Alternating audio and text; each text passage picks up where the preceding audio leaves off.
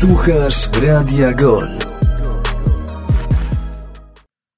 Środa, godzina 19.30, ale dwa, bo jesteśmy odrobinę spóźnieni. E, ja nazywam się Piotr Kaczorek i witam wszystkich bardzo, bardzo serdecznie na e, w kolejnym wydaniu magazynu żużlowego Lig Niższych Radia Gol, zatytułowanego w taśmę. Mam nadzieję, że mnie słychać, bo w sumie nie testowałem tego, czy mnie słychać, ale jeżeli mnie nie słychać, to będzie to później dostępne na Spotify, bo to cały czas się będzie mm, nagrywać. Dzisiaj porozmawiamy sobie o połowie sezonu drugiej ligi żużlowej, bo mm, każda z drużyn ma już na swoim koncie pięć rozegranych spotkań. No i będziemy sobie podsumowywali tak e, troszkę, no bo ten sezon e, bardzo wyjątkowy, bardzo krótki, najprawdopodobniej bez fazy playoff, także myślę, że mm, e, odpowiedzi na kilka pytań już znamy, ale to nie oznacza, że będziemy się nudzić i że pozostała część tego sezonu będzie bardzo nudna. Mm, ze mną dzisiaj bardzo znamienici goście. Teraz mam nadzieję, że będzie Was słychać również. Asia Cedrych, czyli prezenterka czy dziennikarka telewizji Motowizja, czyli no takiego, mówiąc tak trochę jak za wielką wodą, oficjalnego nadawcy drugiej ligi żużlowej. Dobry wieczór. E, dobry wieczór, cześć, e, witam wszystkich słuchaczy. E, jest również Damian Druszcz, zawodnik lidera rozgrywek drugiej ligi żużlowej, czyli Wilków Krosno. Cześć, witam wszystkich, którzy nas słuchają. I jest również Dawid Stachyra, czyli zawodnik Rzeszowskiego Towarzystwa Żużlowego. Dobry wieczór. Dobry wieczór, witam wszystkich serdecznie. Na początek przygotowałem tak sobie takie malutkie notatki na temat każdego z Was. I tak sobie myślę, że zaczniemy od Asi. E, Asiu, ty przez 6 lat pracowałaś w Kanal Plus. E, po sezonie 2018 E, porzuciłaś tę stację, albo stacja cię porzuciła, nie będziemy, tutaj się, nie będziemy się tutaj zagłębiali. No, no i super, no i Nie, nie, nie, mówiłaś, no, ja, ja porzuciłam. Mówiłaś, że będą kontrowersje, już mamy odhaczone, Joanna Cedrych porzuciła Kanal Plus, dziękuję bardzo. E, już można pisać te tytuły. Ale ja chciałem cię zapytać wbrew pozorom o początek, a nie o zakończenie, bo ja tak sobie, tak się zastanawiałem ze swojej perspektywy, czyli takiego dziennikarza w cudzysłowie dużym, takiego amatora i pismaka bardziej, a nie gwiazdę telewizji. No chociaż to już trochę nieaktualne, jak dobrze wiemy. E, ale mam do ciebie takie pytanie. Tak, czy... jesteś wielką gwiazdą telewizji aktualnie. No, motowizji, nie wiesz? Oj, myślę, że motowizji początek.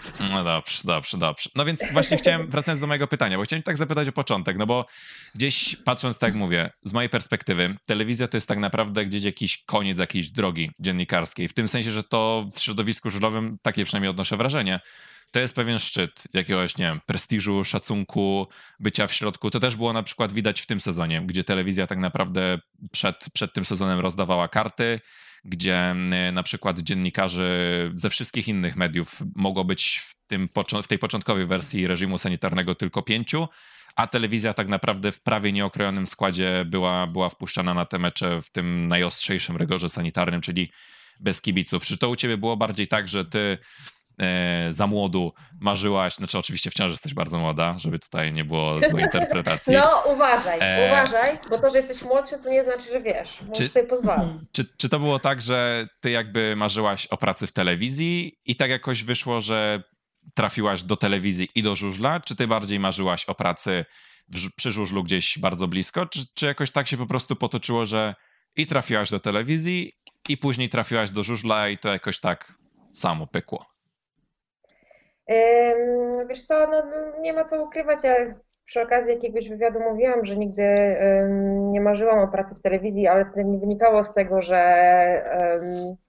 że nie marzyłam, bo nie chciałam pracować, tylko nigdy nawet nie śmiałam o tym, żeby o tym marzyć, tak? No jestem z Opola. Opole jest raczej małą miejscowością, stolicą województwa, ale stąd do marzeń o pracy w wielkiej telewizji e, no, jest dość daleka droga. E, I, a tym bardziej jeszcze przy żużlu pracować to już w ogóle była jakaś totalna abstrakcja e, dla mnie, stąd też nigdy jakoś tak nie, nie odważyłam się marzyć o tym, żeby pracować w telewizji. Moja przygoda z dziennikarstwem zaczęła się na studiach i wynikała z nudy, bo, bo moje studia były bardzo mało wymagające i miałam sporo wolnego czasu, a że przeprowadziłam się do Warszawy. A co studiowałaś? Studiowałam socjologię na e, Szkole Głównej Gospodarstwa Wiejskiego w Warszawie. E, I w ogóle taka śmieszna historia z tym, jak się znalazłam w Warszawie. Miałam akurat koleżankę, która, e, która mieszkała w Warszawie i spotkałyśmy się na wakacjach e, rok przed tym, jak pisałam maturę i tak się pytałam, gdzie mam zamiar studiować i mówię, że nie wiem, w sumie może w Krakowie, może we Wrocławiu. Przyjedź do Warszawy, studiuj na SGGW, socjologię, bardzo fajne studia, nic się nie robi. No i, i skorzystałam Chyba nie o to chodzi w edukacji generalnie, ale mogę się mylić. Kontynuuj. Nie, absolutnie moje studia były fantastyczne. No teraz nie będę opowiadać o tym, dlaczego socjologia jest fantastyczna, ale generalnie e, bardzo poszerza horyzonty, więc polecam wszystkim oczywiście studia na SGGW. E, fajna uczelnia, e, socjologia też bardzo fajny kierunek, ale super sprawą jest to, że naprawdę miałam sporo wolnego czasu i to też jest plus tego, że teraz aktualnie wielu moich znajomych ze studiów ma bardzo fajne, ciekawe prace, bo mieli po prostu czas na to, żeby już w trakcie studiów sobie te e, podwaliny jakby pod e, pracę zawodową zrobić. Zresztą ten sam kierunek skończył Michał Łopaciński, też na SGGW.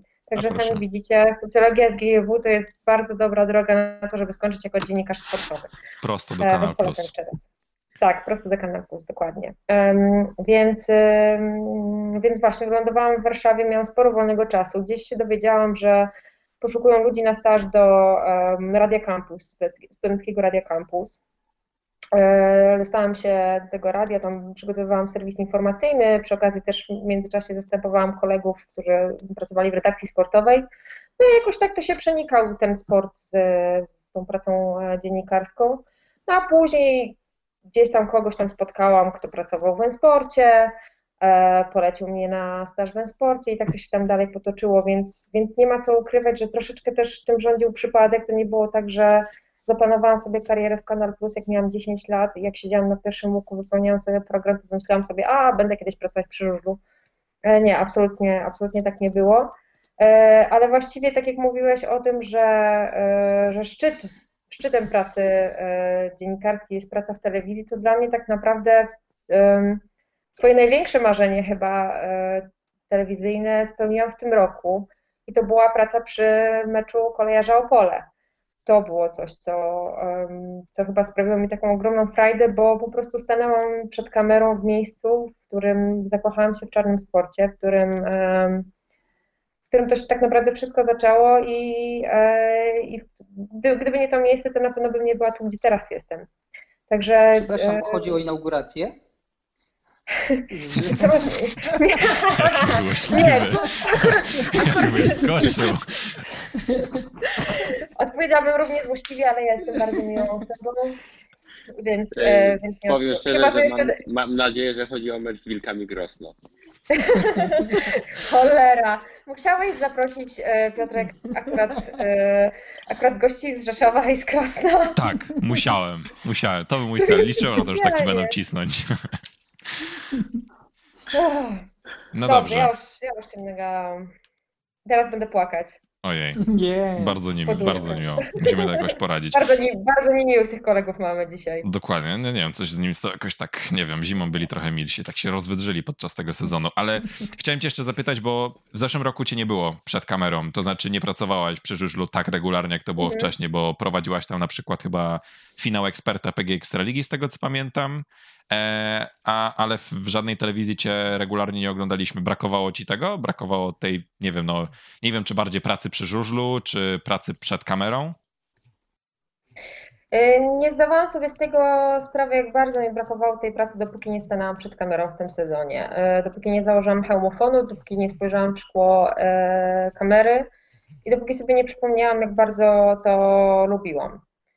E, więc, e, więc właściwie w momencie, kiedy odeszłam z telewizji, e, uważam, że to był dobry ruch, bo ja porobiłam kilka fajnych rzeczy w międzyczasie i uważam, że, że fajnie, że jednak mimo wszystko taka odskocznia mi się przydała. Ale w momencie, kiedy stanęłam przed kamerą, kiedy usłyszałam 3, 2, 1 jesteś, antena, to po prostu jakby wróciły we mnie wszystkie wspomnienia, adrenalina i tak dalej, i tak dalej, więc, więc tak, no teraz mogę powiedzieć, że, że tego mi brakowało. No jeszcze chciałem dopytać w sumie, jakie te fajne rzeczy robiłaś w międzyczasie, ale boję się, że potem może nam nie starczyć czasu, więc zostawię sobie to na koniec, zanotowałem. Przejdziemy sobie teraz do tego no mniej złośliwego z tej dwójki, jeszcze się tak nie uaktywnił, więc do Damiana Drożdża, później sobie przejdziemy, tak alfabetycznie przejdziemy. Damian, y, spojrzałem sobie tak w historię twojej kariery troszkę, bo y, no, w ostatnich sezonach generalnie twoje wybory klubów chyba nie były najszczęśliwsze, bo tak jak jeszcze na przykład w 2016 roku we Wrocławiu konkurowałeś z Maxem Drabikiem i z Adrianem Gałą i dość zwycięską ręką wychodziłeś z tej e, konkurencji. E, później w 2017 roku już byłeś spisywany na straty po pozyskaniu przez Spartę Oskara Bobera i znowu udowodniłeś e, tym wszystkim, którzy na ciebie nie stawiali, że się mylili. No to później w 2018 roku, kiedy już, e, kiedy to był twój pierwszy rok w gronie seniorów, e, trafiłeś pod numer 8. To był pierwszy sezon, jeśli dobrze pamiętam, tego rozwiązania regulaminowego. Trafiłeś pod numer 8 w barwach Sparty Wrocław, e, odjechałeś dokładnie 17 biegów przez cały sezon, oprócz tego przez pół sezonu jeździłeś w barwach Bellevue Aces. E, w 2019 roku przeszedłeś do Częstochowy, gdzie wydawało się, że będzie lepiej, bo tam e, miałeś być zawodnikiem włókniarza i oprócz tego e, reprezentować barwy poznańskiego PSG tu jako gość. W Częstochowie 5 biegów, w Poznaniu 14 biegów, te statystyki z góry stacji, jakby ktoś tutaj chciał pytać, najlepszy portal z statystykami żużlowymi. I pytanie do ciebie, bo w tym sezonie zdecydowałeś się zejść dwie ligi niżej, zdecydowałeś się zejść do drugiej ligi żużlowej, do drużyny Wilków Krosno, która od początku gdzieś, e, od początku istnienia tak naprawdę miała aspiracje wyższe niż druga liga żużlowa, ale ten skład e, no naprawdę szeroki, który, który zbudował prezes Leśniak ze swoim zespołem, chociażby Edward Krczmar, e, Wadim Tarasienko, Marcin Jędrzejewski, Andrzej Karpow, Kamil Wieczorek, czy później też pozyskani goście Mateusz Czerniak i Bartłomiej Kowalski.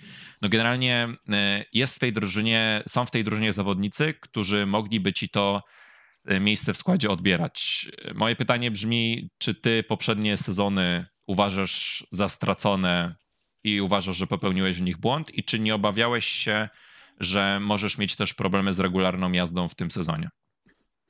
Powiem szczerze, że tak naprawdę te ostatnie rzeczywiście dwa sezony były dla mnie ciężkie, ale, ale uważam, że dużo mnie nauczyły jako, jako człowieka, a nie tyle y, sportowca, czy, czy też y, jakiejś techniki, czy nabrałem doświadczenia, nie mówię w tą stronę, ale dużo mnie nauczyły jako człowieka i naprawdę y, za to jestem dość mocno wdzięczny, że, że przeszedłem taką szkołę życia.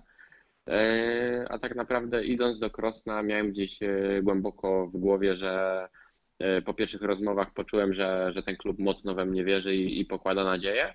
I, I wiedziałem, że, że jeżeli ja się dobrze przygotuję do sezonu i, i dam z siebie 100%, to to, to odpali. No i, i póki co fajnie to wszystko funkcjonuje. Cieszę się, że, że w tym klubie wylądowałem.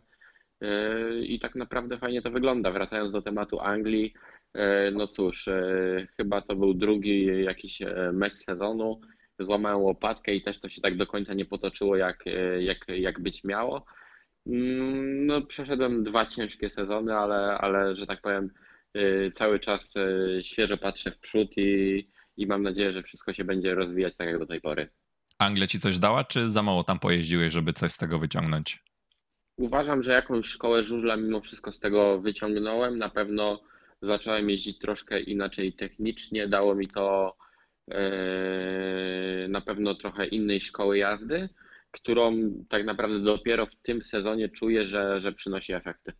A takie rozwiązanie, to znaczy w Polsce zdecydowanie się świadome na prawdopodobnie mało jazdy i jazda gdzieś w lidze zagranicznej, bardzo regularna, albo tak jak miałeś w zeszłym sezonie, że we Włókniarzu byłeś pod numerem 8 i, i było z góry założenie, że ty masz się rozjeżdżać w Poznaniu, to czy ty takie rozwiązanie byś polecał zawodnikom wchodzącym w, w ten no, okres już seniorski? Osobiście to bym nie polecał, szczerze mówiąc, bo naprawdę, naprawdę, naprawdę nie, nie jest to łatwe, e, co przeszedłem przez te dwa lata. Jest to, jest to ciężki kawałek chleba, tak naprawdę nie jeździć, e, można powiedzieć, nie jeździć przez dwa lata, bo, bo tak naprawdę regularność tych startów była naprawdę znikoma i, i ciężko tu mówić o, o jakimkolwiek e, postępie czy progresie. E, więc naprawdę młodym zawodnikom, którzy kończą wiek juniora, a nie są takim pewnym punktem e, e, drużyny, jak na przykład na dzień dzisiejszy można powiedzieć jest na, chociażby Bartek Smektała, to, to polecam na początek sobie gdzieś tam odpuścić, pójść troszkę niżej, rozjeździć się i potem walczyć, żeby wspinać się w górę na nowo. No bo w teorii to, to, to, rozwiązanie wygląda bardzo, bardzo w porządku, i, ale wydaje się, że w praktyce już chyba nie działa aż tak fantastycznie, co widać chociażby po Twoim przykładzie. Dawid, przejdziemy teraz do Ciebie. E, ty, ty jesteś w ogóle taką zagadką, tak, bo tak ciebie, ciebie też zlustrowałem przed tym naszym spotkaniem i otwieram sobie listę, gdzie mam wypisane wszystkie sezony, e, w których jeździłeś w swojej karierze, czyli od, 2001, od 2001 roku w Lublinie w drugiej lidze, aż po sezon 2017, 2017 w barwach klubu Zopola, ale jak tak patrzę w, bardziej szczegółowo w te statystyki, to ostatni taki pełny sezon, gdzie tak naprawdę jechałeś od dechy do dechy, jak to się zwykło mówić, e, to jest sezon 2013 i Gdańsk, gdzie odjechałeś 15 spotkań, później był Rybnik, 5 meczów, 18 biegów, Krosno e, rok 2015, 6 spotkań, 25 biegów i na koniec Opole 2017 rok, 4 e, spotkania, 16 biegów. Gdzie byłeś, jak cię nie było? I skąd ta decyzja o powrocie? No bo, bo nawet jeżeli wliczymy w twoją e, karierę jako takie, no można powiedzieć, pełne sezony, przejeżdżone sezony, te, te trzy ostatnie lata w Rybniku, w Krośnie i w Opolu, no to są wciąż, e, to są wciąż dwa lata bez, bez, bez startów w lidze. A jeśli spojrzymy na to, że ostatni taki pełny sezon miałeś w Gdańsku, no to jest tak naprawdę sześć sezonów bez regularnej jazdy. Kurczę, powiem szczerze, że to jest bardzo długa historia i gwarantuję Ci, że tutaj by nam zabrakło czasu, a można by z tego dobrą książkę napisać. E, ogólnie w takim telegraficznym skrócie e, ten rok w Gdańsku 2013, który wymieniłeś, owszem, to był ostatni i to był właśnie ten e, gwóźdź do trumny, po którym zaczęły się wszystkie problemy. Przypomnę, że w tym sezonie uzyskaliśmy awans do Ekstraligi. Mm, nie zostało nam praktycznie zapłacone za żadne spotkanie. Jeździliśmy cały sezon za darmo. E, były później już takie no, wręcz naciski z klubu w praktycznie już połowie sezonu, kiedy wiadomo było, że dosyć dobrze jedziemy, a mieliśmy skład naprawdę dobry. Artur Mroczka, e, ja jeździłem, e, Robert Miśkowiak, Tomasz Jonason, więc tam było troszkę grajków. Już był nacisk taki, że trzeba wejść wręcz do Ekstraligi, żeby było łatwiej później pieniądze E, że tak powiem, swoje wyrwać. No i finał się skończył taki, że tych pieniędzy nie wyrwaliśmy, dlatego e, już tutaj kwotami nie będę rzucał, ale no, dobre mieszkanie można kupić w tych pieniądzach, które każdy z nas potracił. Jak łatwo można zobaczyć praktycznie z tej takiej naszej czwórki, która została na lodzie, no ja odpadłem na długo, Robert Miśkowiak odpadł, Artur Mroczka próbuje coś tam jeździć, Tomasz Jonason E, jeździ w kratkę, więc w jakiś sposób ten sezon nas mocno położył. Tak, i później to był sezon, w którym naprawdę się wszystko, mm, że tak powiem, no, rozpadło, na, nawet nie na części drobne, tylko w mak. E, ja próbowałem się później coś ratować, ratować natomiast no, nie da się jeździć e, w sytuacji takiej, gdzie są zarobione poważne kwoty. Człowiek też troszkę się pozapożyczał, żeby było na ten sprzęt. Później zostajemy bez pieniędzy i zostajemy z problemami. Także jest to sytuacja ogólnie taka niestety dosyć znana w żużlu i, i często dotyka wielu zawodników, więc później już tak powiedzmy zaczynając to opowiadanie od roku 14 e, gdzieś się jakoś ratowałem meczami e, z kontraktami w Rybniku, w Krośnie, natomiast to już troszeczkę później, kiedy człowiek musiał, to akurat się tak trafiło, że wszystko nie wychodziło i takie było błędne koło. W Rybniku było nas praktycznie 10 chłopaków na 5 miejsc, więc to była już ogólnie wielka bzdura przed sezonem i faktycznie skończyło się tak, że z połowa nas nie jeździła. E, rok 15 to już był taki, że ja chyba podpisałem kontrakt w Częstochowie, tylko Częstochowy nie dopuścili wtedy do jazdy po, po tych właśnie słynnych akcjach Gdańska i Częstochowy więc w styczniu zostałem bez klubu. Podpisałem na ostatnią chwilę w marcu praktycznie kontrakt w Krośnie, tutaj w drużynie, która jest tak naprawdę bardzo blisko Rzeszowa, więc miałem 60 km na dojazdy. E, no i co, pierwszy mecz w Lublinie wygrałem wyścig, w drugim wyścigu miałem e, taką akcję na łokcie w pierwszym łuku z Oskarem Boberem. E, upadek, złamana łopatka, złamany kciuk. Nie ukrywam, że po tym wszystkim dwa tygodnie Później jeździłem otejpowany praktycznie jak mumia z góry na dół, żeby tylko się jakoś na motocyklu utrzymać. I przyznam szczerze, że nie najgorzej jakoś to wychodziło, bo dwa biegi wygrałem, w dwóch byłem czwarty, natomiast no, nie było po prostu sił, żeby jeździć ze złamaną łopatką e, i, jeszcze z kciukiem, więc ten sezon mi po prostu przepadł.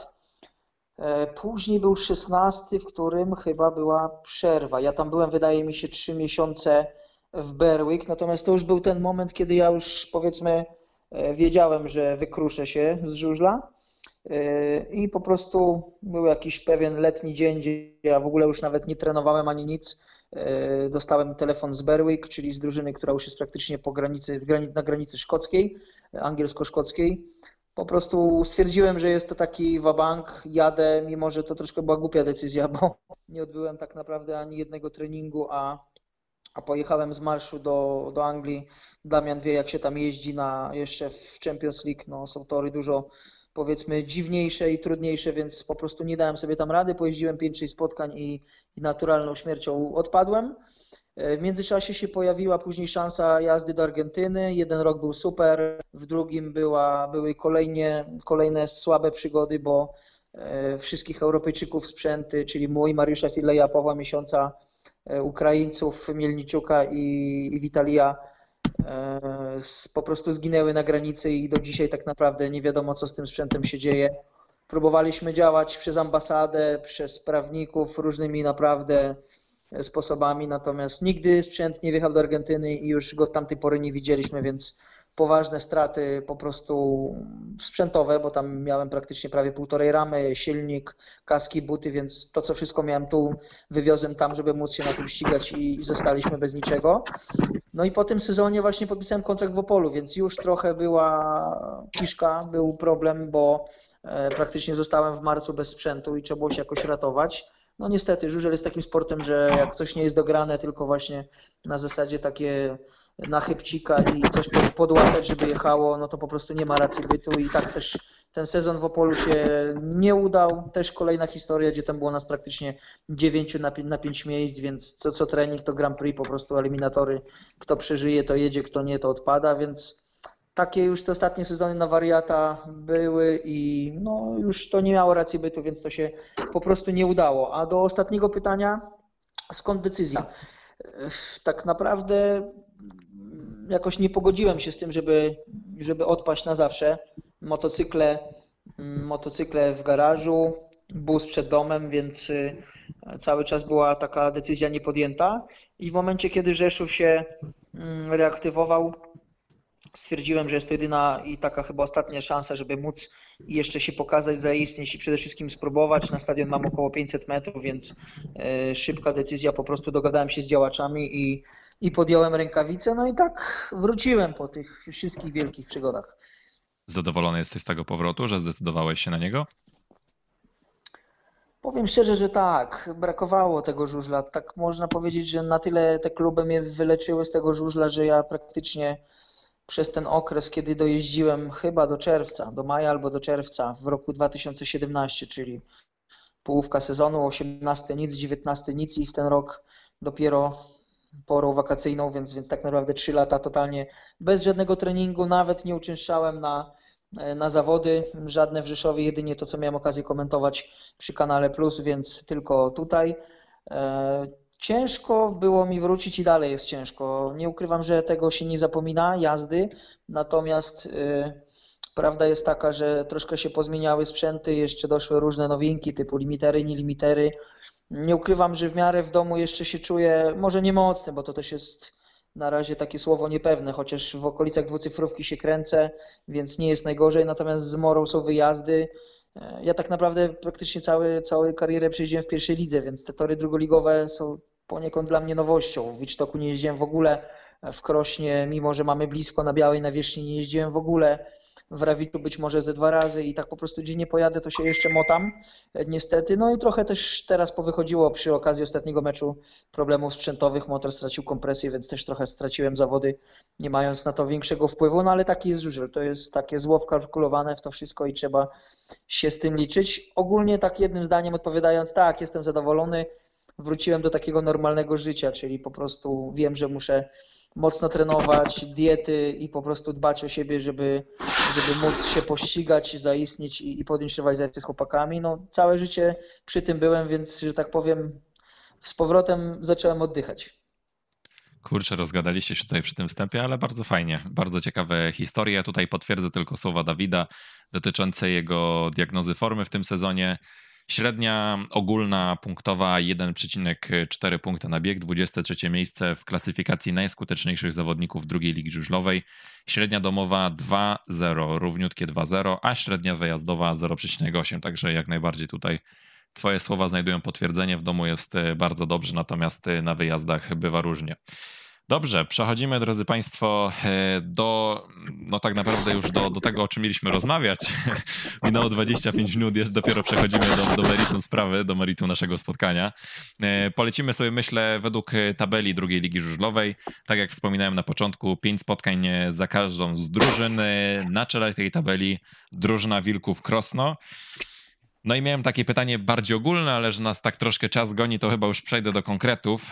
E, Damian, pytanie do ciebie. E, tak naprawdę w większości tych spotkań e, które odjechaliście, jest taki trzon drużyny, który jest, można powiedzieć, niezmienialny. Mam tutaj na myśli ciebie, Edwarda Krczmara, Andrzeja Karpowa i Wadima Tarasienkę oraz Patryka Wojdyłę. Oprócz tego Bartłomiej Kowalski wskakuje czasami na juniorkę, czasami na pozycje seniorskie, e, zastępował na przykład Marcina Jędrzejewskiego.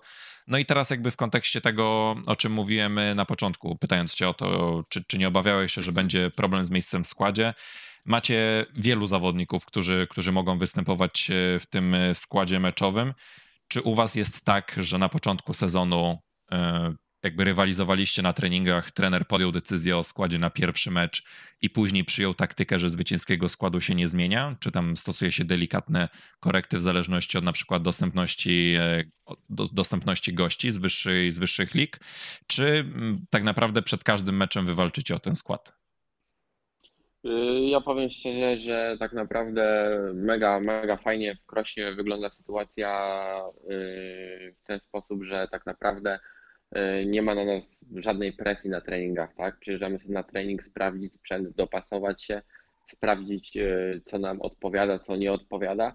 Nie ma żadnej presji, nie ma żadnej e, jakby nadto walki, nie ma na treningach podstawą jest to, że nie ma na treningach wożenia się po płotach i bo tak naprawdę często jest tak, że drużyna, która walczy na treningach, potem przyjeżdża na mecz i tak naprawdę e, dla nich ważniejsze, dla tych zawodników jest wygrać na treningu, niż potem ścigać się w meczu, bo tak naprawdę mają większą presję, żeby wejść do tego składu, niż e, samego meczu, a, a w Krośnie jest zupełnie e, co innego. E, tak naprawdę gdzieś ten, wiadomo, cel wejścia do, do pierwszej ligi mamy gdzieś tam głęboko w głowach zakodowany, ale jakoś nie odczuwamy tej presji zbyt mocno.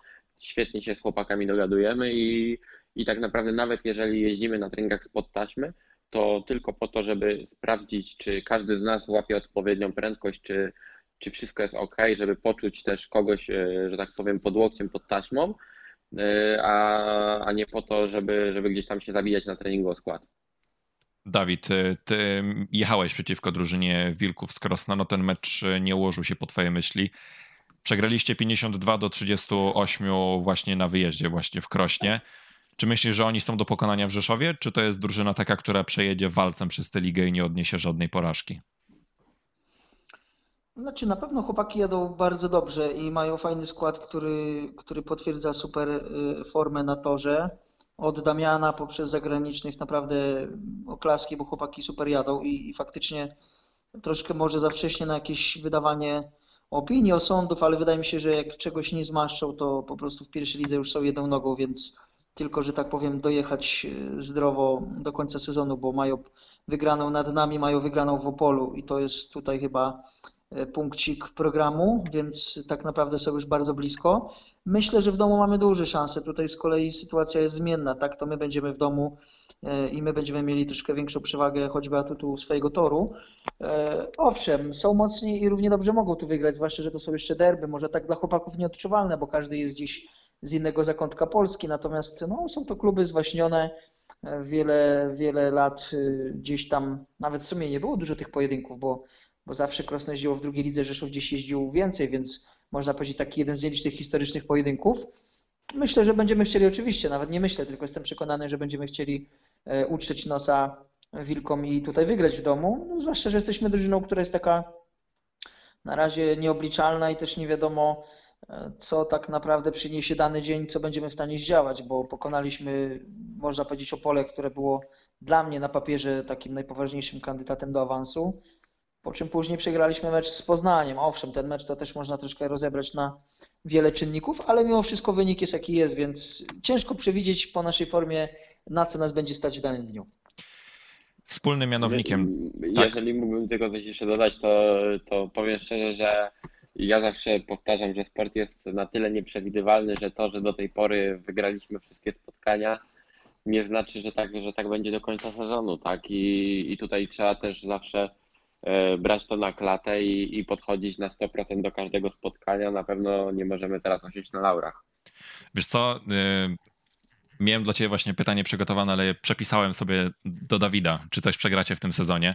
I powiem ci tak bardzo szybko, e, bo w jednym z poprzednich odcinków gośćmi byli Damian Stalkowski i Marcin Nowak i to było przed e, spotkaniem właśnie tych drużyn, to znaczy Orła Łódź i Kar Gwarant Kapi Meble Budek z startu Gniezno.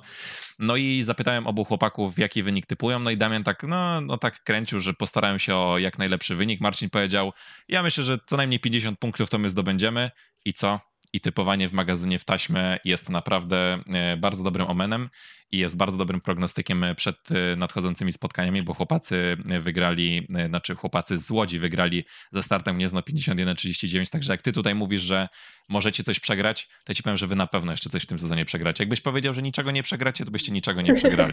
Także Dobrze, twoja szansa... w, taki, w takim razie ni- niczego nie przegramy do końca sezonu. E, wygrywamy z wszystkimi, e, że z 30 nie wychodzą. Tak jest, tak jest. To jest bardzo dobra deklaracja. Ciekawe, czy księgowa w Krośnie się ucieszy na twoje słowa. W prezesie przepraszamy. Nie, ale właśnie słuchałem jednej z wypowiedzi, jednej wypowiedzi Damiana sprzed sezonu. Mówił, że dobrze się rozmawia z prezesem, że dobrze prowadzi klub, także ja myślę, że tam są zabezpieczone środki na te wygrane. Jeżeli nie, no to już. To już nie nasz problem. I jeszcze chciałem tutaj, jak już taka złośliwa atmosfera była na początku, Dawid tutaj pogratulował e, drużynie z Krosna tego wyniku. Ja myślę, że można pogratulować wszystkim, tylko nie Damianowi, który zdobył 3-2, wykluczenie 0 i 0. To, to nie był dobry wynik, Damian. Zdecydowanie nie. Także No to co, to, co Damian mówi, że, że ten sport jest nieprzewidywalny. Dobrze zaczął, źle skończył i też szanuję to, co mówi. Cienias bo, bo generalnie. to, co... Cienias, cieniasy to byliśmy my, tak a propos, a szanuję to, co powiedział, bo, bo to właśnie pokazuje, że nie można żadnego rywala lekceważyć i trzeba po prostu pełni, w pełni skupienia jechać do końca sezonu, bo my też jechaliśmy, można powiedzieć, na laurach po, po meczu z Opolem wygrać w Wicztoku, a, a, a po prostu ośmieszyliśmy się i, i taki właśnie jest sport, więc trzeba być tutaj cały czas po prostu czujnym, bo, bo nie wiadomo, co przyniesie dany dzień, dany mecz. do tego obiecuję, że jeszcze Ja bym przejdziemy. przesadzała tak z tym y, ośmieszaniem się w Wicztok, bo wydaje mi się, że mimo wszystko jednak ten tor był zagadką dla wielu, będzie zagadką dla Przejdziemy do tego, zespołów. przejdziemy, musimy iść dalej, przejdziemy, spokojnie. Cicho. Spokojnie, spokojnie. Wspólnym mianownikiem drużyny. Się po pierwsze 20 minut. E, No wiem, właśnie wiem, dlatego teraz przy koleżu, Opole, koleżu Rawicz chciałbym zacząć od ciebie, Asia. Ja wiem, ja wiem, przepraszam. No chłopak, znaczy ja nie przepraszam, chłopacy powinni przepraszać. E, Metallica Recykling Kolejarz Rawicz to jest druga drużyna w tabeli po pięciu spotkaniach i wspólnym mianownikiem, e, który łączy drużynę Wilków, Krosno i Kolejarza Rawicz, chociaż w sumie to jest wspólny mianownik dla większości drużyn w drugiej lidze żużlowej, jest to, że bardzo intensywnie korzystają z zapożyczeń. Takich zapożyczeń, które no w przypadku Rawicza są jeszcze gdzieś tak... bardziej osadzone w tych naszych regulaminach żużlowych od paru lat. Mam tu na myśli fuzję z Unią Leszną i możliwość korzystania z zawodników y, tego właśnie klubu. I Asiu, ciebie chciałbym zapytać. Tak patrząc globalnie na żużel, nie tylko może nasz krajowy, ale generalnie, czy taka, no dobra, może bardziej krajowy, czy taka instytucja gościa, twoim zdaniem, czy właśnie fuzja, która polega na tym, że no okej, juniorzy się rozjeżdżają, młodzi zawodnicy zagraniczni się, się rozjeżdżają, ale też korzysta e, drużyna kolejarza na przykład z Bartka Smektały czy Jamona Lidzeja. Czy ta instytucja gościa albo takie właśnie fuzje to jest coś dobrego, czy niesie to ze sobą zagrożenie, że po prostu ten rynek zawodniczy się skurczy, bo po prostu e, pewna grupa zawodników będzie występowała w większości lig, czy na przykład właśnie już nawet nie tyle, co w wielu ligach zagranicznych, że na przykład zawodnik jeździ w Polsce, w Danii, Anglii, Szwecji i w Czechach, załóżmy, tylko jeszcze jeździ na przykład w dwóch ligach szwedzkich, e, w dwóch ligach angielskich, czy w dwóch ligach polskich. Czy to jest zagrożenie, czy szansa? Myślę, że e, to jest zarówno zagrożenie, jak i szansa, e, bo mm, przede wszystkim dzięki temu, że mamy te zapożyczenia e, z wyższych lig, też mamy całkiem fajne widowiska, no bo jednak nie ma co ukrywać, że chłopcy z wyższych lig mają też fajniejsze sprzęty, lepsze te sprzęty i, i to widać, że, że nawet jeżeli gdzieś tam zostaną na starcie, to robią całkiem niezłe widowisko na dystansie i to jest, to jest na pewno bardzo fajna sprawa. Drugie, no na pewno te ośrodki żużlowe, które są tymi drugimi zespołami, miałyby problem z tym, żeby przetrwać w trudniejszych czasach, a dzięki temu e, są, funkcjonują, a chyba też nam trochę na tym zależy, żeby ten sport był e, w jak największej liczbie miast w Polsce, tak? E, żeby nie było takich sytuacji, jak teraz jest chociażby w Krakowie czy w Pile, że tych zespołów tam nie ma, a przecież to są miasta z fajną żużlową tradycją. Więc, więc z jednej strony jest to plus, z drugiej strony Mm, to jest trochę chyba niespotykana sytuacja w ogóle w sporcie na świecie, tak mi się przynajmniej wydaje, żeby zawodnicy występowali w różnych zespołach e, e, i w, nawet w, jednej, w jednym kraju, w kilku ligach. No i mamy chociażby teraz taką sytuację z tymi helikopterami, czy nawet przed chwilą czytałam, że Robert Chmiel ma też niby wystartować w dwóch meczach jednego dnia, co prawda z Poznania do Łodzi jest blisko, ale mimo wszystko mm, nie wiem, jak na to zawodnicy w ogóle się zapatrują, jak to jest odjechać dwa mecze w ciągu jednego dnia jeszcze z transferem pomiędzy. Może helikopterem jest miło i przyjemnie, ale podejrzewam, że już samochodem z Poznania do Łodzi, no to jakieś godzinę, półtorej to jednak jest jakaś tam trasa.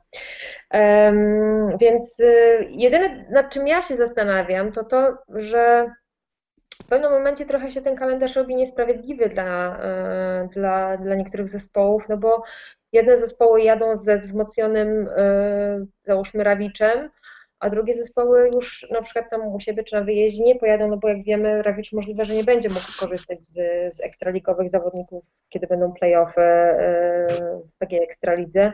I z takimi głosami się spotkałam, że na przykład jeżeli ktoś podejmował u siebie zespół z Rawicza, no to marudził, że a, no bo we wrześniu już ich nie będzie, no to ktoś inny będzie miał łatwiej i tak dalej, i tak dalej. Więc takie, takie, takie głosy do mnie dotarły. E, ale koniec końców wydaje mi się, że to jest jednak dobry pomysł. Co do tego, że rynek nam się kurczy z zawodników, wydaje mi się, że to chyba jest trochę w drugą stronę, że tych zawodników jest tak mało i tych, tych juniorów przede wszystkim, e, chłopców, którzy chcą jeździć, którzy mają możliwość jeżdżenia na tym coraz wyższym poziomie, czy to na drugiej, czy w pierwszej lidze, jest po prostu mało i trzeba te dziury łatać właśnie takimi, takimi rozwiązaniami. E, więc wydaje mi się, że to jest to jest kwestia tego. A, a jak, to, jak to rozwiązać, czy, czy to w przyszłości będzie się ostatecznie jakby lepiej, e, wyjdzie na lepsze czy na gorsze, no to ciężko powiedzieć. Musielibyśmy chyba przede wszystkim skupić się na szkoleniu zawodników, a wiemy, że to jest bardzo ciężkie w dzisiejszych czasach, żeby zachęcić ludzi, e, żeby zachęcić chłopaków do, do startu w tym niezwykle drogim sporcie, no bo mówmy się, że jednak ze wszystkich sportów, które mogło, może wybrać ośmioletni chłopak, ten akurat chyba jest jeden z, z droższych. To na pewno. Jeszcze wracając do tego tematu dwóch meczów w ciągu jednego dnia, to nie wiem, czy na przykład y, Damian albo Dawid mieli taką sytuację, ale w Anglii generalnie to jest normalka, że takie double headery, jak y, zwykli mówić na to Anglicy się odbywają, to znaczy jest na przykład y, rano o godzinie 11 mecz, żebym tutaj jakieś głupoty nie palną, załóżmy Pool Swindon, a o godzinie 18 jest mecz Swindon Pool, także generalnie takie, mm. takie sytuacje się zdarzają. Nie wiem, czy chłopacy mieli okazję w czymś takim brać udział. Ja akurat miałem przyjemność e, uczestniczyć e, w takich zawodach, że. I co, spoko? E, powiem szczerze, że, że bardzo dziwne uczucie, e, bo tak naprawdę my mieliśmy wtedy mm, z Leicester e, takie mecze i pierwszy mecz mieliśmy o 11 u siebie z, z Leicester w Bellevue, a o godzinie bodajże 18 mieliśmy mecz w w, w, w, w Leicester i, i powiem szczerze, że tak naprawdę człowiek, można powiedzieć, cały dzień zostaje w takim, w takim e, rytmie meczowym. Taka najdziwniejszą sytuacją, jaką jest to, zazwyczaj przyjeżdżamy na stadion, wyciągamy czyste motocykle, ubieramy się w czysty kamer, e, a, a jednak przy takim e, dwóch meczach tak naprawdę w jeden dzień jeszcze w Anglii, gdzie tak naprawdę ten zestaw tych rzeczy jest, jest jeden, nie, nie tak jak w Polsce, to, to rzeczywiście no, no, no jest to troszkę inaczej, troszkę inaczej to wygląda. No ale, że tak powiem, yy, przeżyłem to, mam to za sobą i, i na pewno yy, powiem tak, że jeżeli yy, da się odjechać te dwa mecze w ciągu jednego dnia, czy da się? Na pewno się da, da się z dobrym rezultatem, ale yy, no, na pewno po takim całym dniu człowiek jest mocno wycieńczony powiedziałeś o tym jak jakimś, nie wiem, egzaminie ósmoklasista albo jakiejś maturze, nie? Że jakby mam to sobą, przeżyłem, koniec, kropka, więcej tak nie będzie. Kto wie, czy jeszcze się z tym w swojej karierze nie spotkasz. I chciałbym jeszcze wrócić do ciebie, Asiu. E, do Dawida za chwilę przejdziemy. No bo mm, tak trochę, trochę złośliwie, ale trochę nie, zadam takie pytanie.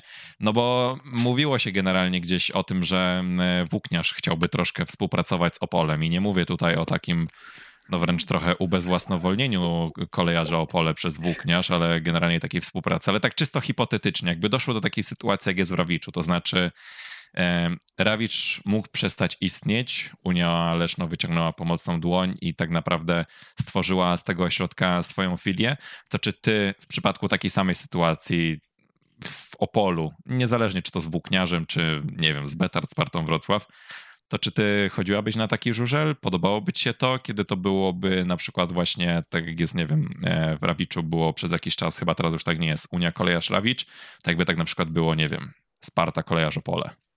Chodziłabyś na coś takiego? No tutaj, akurat, to? tutaj akurat zły zespół wybrałeś, bo te animozje opolsko-wrocławskie są dość silne. Ale, ale dość blisko jesteście na... siebie. Kto wie, czy, kto tak, wie, czy w kryzysowej sytuacji by się na, na współpracę ze Spartą nie zdecydowali, ale dobrze, niech będzie Włókniarz Kolejarz Opole. O. Nie, ja żartuję z tymi animozjami, po prostu pamiętam, że kiedyś był jakiś taki e, zacięty dość mecz Odry Opole ze Śląskiem Wrocław i tam się po prostu działy strasznie dziwne rzeczy w Opolu, więc, więc stąd te animozje. Ale nieważne, nie, nie, nie o piłce nożnej będziemy gadać. Wiesz co, nie miałabym z tym problemu, bo ja uważam, że tor w Opolu jest tak fantastycznym torem do ścigania, tak widowiskowym, że tak naprawdę każdy sezon, w którym by e, kolejarza nie było e, na żużlowej mapie Polski jest sezonem straconym. Myślę, że tutaj się zgodzą ze mną E, i Damian i Dawid, który może z Opolem nie ma zbyt najlepszych wspomnień, ale mimo wszystko, że jest to fantastyczny, fantastyczny tor i mamy doskonały przykład chociażby teraz, jak, jak są te mecze transmitowane w telewizji, że nawet przy jednostronnym spotkaniu, kiedy ten wynik jest jednostronny, to mimo wszystko tego ścigania na torze jest sporo, bo po prostu to jest tor, który umożliwia e, walkę na dystansie i uważam, że ten tor nie powinien zniknąć z mapy e, Polski żużlowej, więc jeżeli jedynym rozwiązaniem byłoby ratowanie zespołu poprzez fuzję z Włókniarzem Częstochowa, czy innym e, zespołem, to, to uważam, że jak najbardziej powinno się do takiego e, rozwiązania podejść na spokojnie i, i przemyśleć, jakby to miało wyglądać, tylko żeby to oczywiście było wszystko racjonalnie rozwiązane, żeby to nie było na zasadzie tego, że ktoś jest pasożytem i, i korzysta, a druga strona jest jakby na stratnej pozycji. No ale wydaje mi się, że, że jest to jak najbardziej rozwiązanie, które da się wypracować. No właśnie, jak już jesteśmy przy kolejarzu Opole, to sobie przy nim zostaniemy, bo, bo to jest trzecia e, drużyna obecnie w tabeli drugiej ligi żużlowej. Co się dzieje z tym kolejarzem? Od kilku lat takie aspiracje, aspiracje pierwszoligowe, absolutnie. I co roku jakieś dziwne sytuacje. Mi najbardziej utkwiła w pamięci sytuacja pomiędzy prezesem Grzegorzem Sawickim a Adrianem Gomulskim, że tam prezes z zawodnikiem się kłócili po prostu na skarpie, znaczy na trybunie, za trybuną, przepraszam, ale, ale tak, tak wyglądają trybuny w Opolu. To jest swoją drogą bardzo fajny tor, jeżeli ktoś e, chciałby taką mieć odrobinę namiastka angielskiego żużla, to, to Opole myślę dobrym wyborem, bo tak blisko, jak się jest w Opolu, na przykład na prostej startowej żużlowców, to myślę, że nigdzie w Polsce tak nie jest. Także jeżeli ktoś by chciał sobie spróbować, jak to gdzieś tam wygląda w Anglii, to bardzo polecam. Ale wracając do kolejarza Opole, były rozmowy o nowym stadionie, no teraz prawdopodobnie to zostanie w ogóle odłożone. Co jest z tym kolejarzem, że on od kilku lat ma na papierze, jest, jest w zasadzie jednym z głównych kandydatów do awansu do y, obecnej e-winner pierwszej ligi żużlowej. Wcześniej to była NICE pierwsza liga żużlowa co roku te aspiracje są bardzo wysokie i wydaje się, że to już jest ten rok. I co roku dzieje się coś, co nie pozwala tej drużynie awansować. Dlaczego, Asiu? E, no w tym roku to e, niestety wielki krosno się stały. Damian, jest ci wstyd? Jest ci wstyd, Damian? Stały, stały się wielki krosno, stały się, stał się powód Dawida Stachyry, e, który nagle stwierdził, że wraca do, do, do sportu e, i i sobie zrobił dwucyfrówkę e, na inaugurację. No, y, no, wiesz co, no ciężko mi jest Piotrek powiedzieć, co, co się dzieje w, w kolejarzu, ale faktycznie no, te aspiracje są do awansu. Ja już naprawdę, moje serce rośnie za każdym razem, kiedy widzę e, skład przed sezonem i sobie myślę, że to już jest naprawdę ten rok. I, To już jest ten rok. e, Tak kibice Arsenalu mi- się łudzą, że Arsenal będzie w pucharach. To chyba jest coś podobnego Tak w piłce nożnej. tak jest. Coś, coś takiego, coś takiego. Nie wiem, ciężko mi jest tak naprawdę powiedzieć na to pytanie, bo to też jest coś, co mnie osobiście, ym, no nie mogę powiedzieć, że boli, no bo też pracuję w ogóle przy różnych, inaczej, pracuję przy drugiej lidze żużlowej, więc jestem bezstronnym dziennikarzem i oczywiście to muszę podkreślać 18 razy, bo zaraz ktoś, kto nas słucha, będzie mówił, że jestem bezstronna, bo jestem z Opola. Yy, Ja wręcz przeciwnie jestem osobą, która będzie która będzie wymagała od kolejarza Opole, du, od, od kolejarza Opole e, dużo więcej niż od innych zespołów, właśnie dlatego, że jestem z Opola.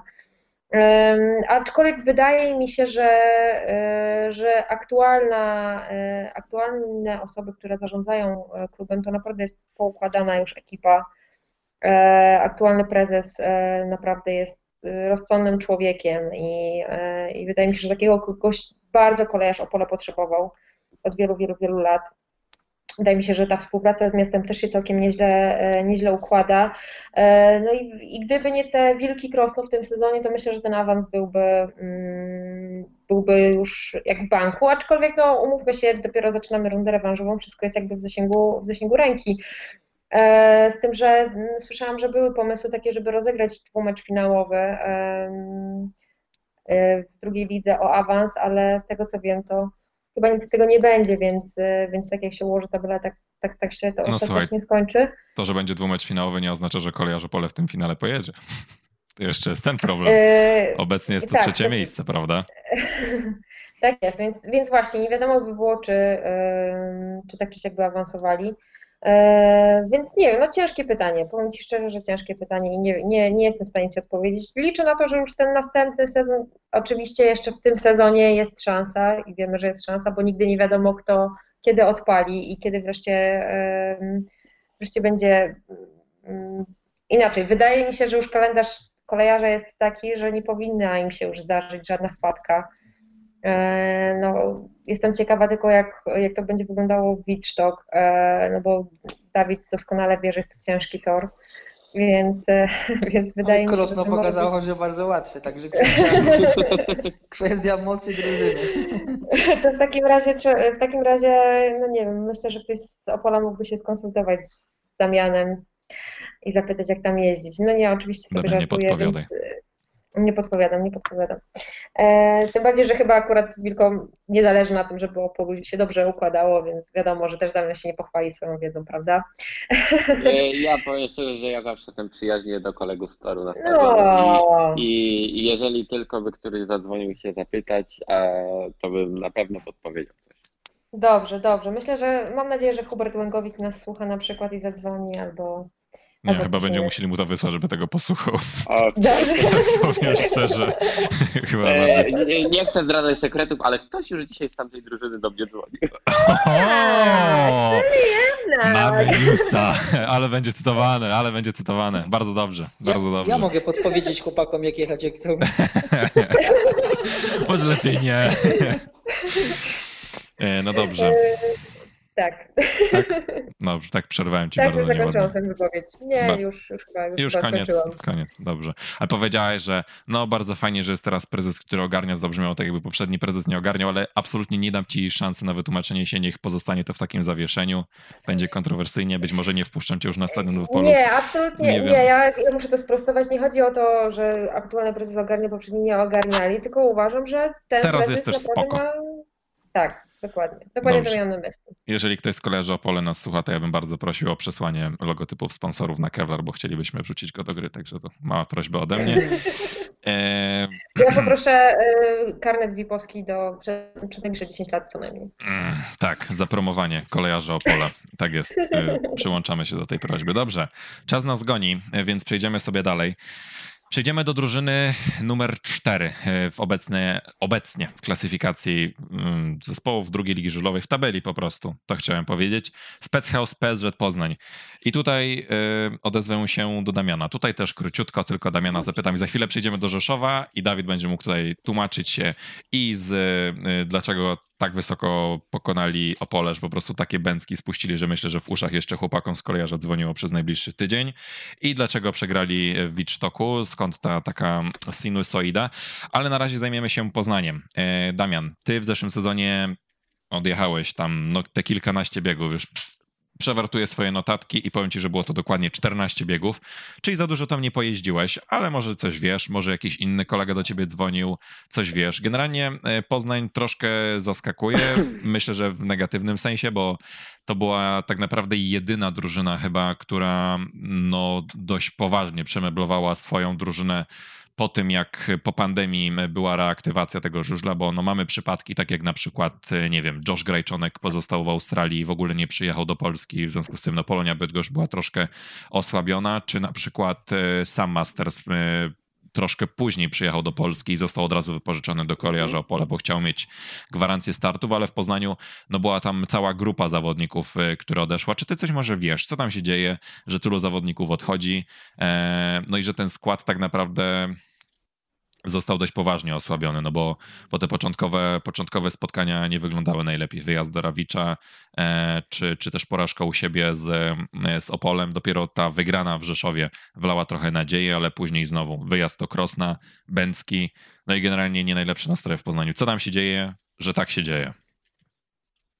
No tak naprawdę aktualnie ciężko powiedzieć. Ja mogę powiedzieć z perspektywy zeszłego roku, gdzie, gdzie miałem tam nieprzyjemność yy, współpracować, że tak powiem. E, cóż, pierwsze parę meczy wszystko fajnie odjechane. No i, i zaczęły się tam jakieś, że tak powiemy, problemy finansowe. E, po czym w ogóle nawet nie mówiono mi o treningach, o takich rzeczach ja słyszałem, że jestem zbyt słaby w ogóle, żeby ścigać się w drugiej lidze. Mm, pominę ten fakt.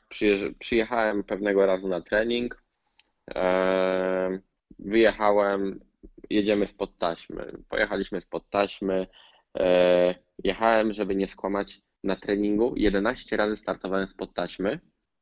Za każdym razem na jedno okrążenie wygrywałem o pół prostej. Po czym usłyszałem, no tak, to ten, będziemy w kontakcie. Potem na kolejny dzień z Częstochową, z ósemką yy, byłem w Lesznie i po Lesznie już miałem hotel zarezerwowany, miałem jechać do, do Poznania. Po meczu dostałem tylko wiadomość, yy, przepraszamy Cię, nie jedziesz w meczu i brak odbierania telefonów, czegokolwiek. Potem znalazł się przed przed walką o pierwszą ligę z, e, z Łodzią. Wtedy, A, nie, to, już, baraże. Już baraże z Łodzią. E, potrzebowali, że tak powiem, e, zawodnika, więc znalazł się sponsor klubu, który jakby spłacił ich tam, że tak powiem, dług z pierwszych meczy. I wtedy dopiero zaczęli odbierać telefony, gdzieś tam zapraszać mnie na treningi pojechaliśmy do Łodzi, potem e, z Łodzią u siebie, nie weszliśmy i znowu przestali odbierać telefony, także no pozwolę sobie nie mówić jak, jak tam, e, jakie tam sumy czy, czy cokolwiek, bo nie są to jakieś kosmiczne pieniądze, ale jednak uważam, że nieodbieranie telefonów na pewno nie rozwiązuje problemów. No to nie są e, zbyt dobre informacje. Powiem szczerze, że no niestety w ostatnim czasie nawet ciężko mi określić, jak, jak bardzo odległy jest to czas, to większość właśnie informacji, które dobiegają gdzieś do mnie z wnętrza klubu są w takim tonie dość negatywnym. No mieliśmy też sytuację podczas no chyba najlepszej transmisji Motowizji w tym sezonie, czyli z meczu PSZ Poznań kolejarz Opole, kiedy Marcel Kaiser zawiesił swoją karierę, później to pożegnanie z klubem, no, no mnie się trochę no, nie chcę tutaj za mocno mówić, ale generalnie nie spodobało mi się to, jak, jak z jakim rozrzewnieniem się, się żegnali, bo gdzieś od kuchni wygląda to zupełnie inaczej, ale myślę, że to, to, to dopiero trzeba jakimiś dowodami poprzeć, dopiero można na ten temat rozmawiać. No mam nadzieję, że ten Poznań jakoś się wykaraska z tych swoich problemów, bo Co prawda, wbrew temu, co zasugerowała Asia na antenie Motowizji przy tamtym Ja spotkaniu. nic nie sugerowałam. E, Po prostu nie zdążyłeś się wytłumaczyć. To prawda, no. Ja jestem głównie kibicem startu Gniezno ja uważam, że w ogóle, znaczy inaczej, jeżeli ktoś chce być bardzo bezstronnym dziennikarzem, to ja to bardzo szanuję i rozumiem, bo taka jest sumie rola dziennikarza. Ja mam to gdzieś, czy ktoś mnie posądza o to, czy jestem stronniczy, czy nie. Staram się nie być stronniczy, ale, ale nie wiem, czy mi wychodzi.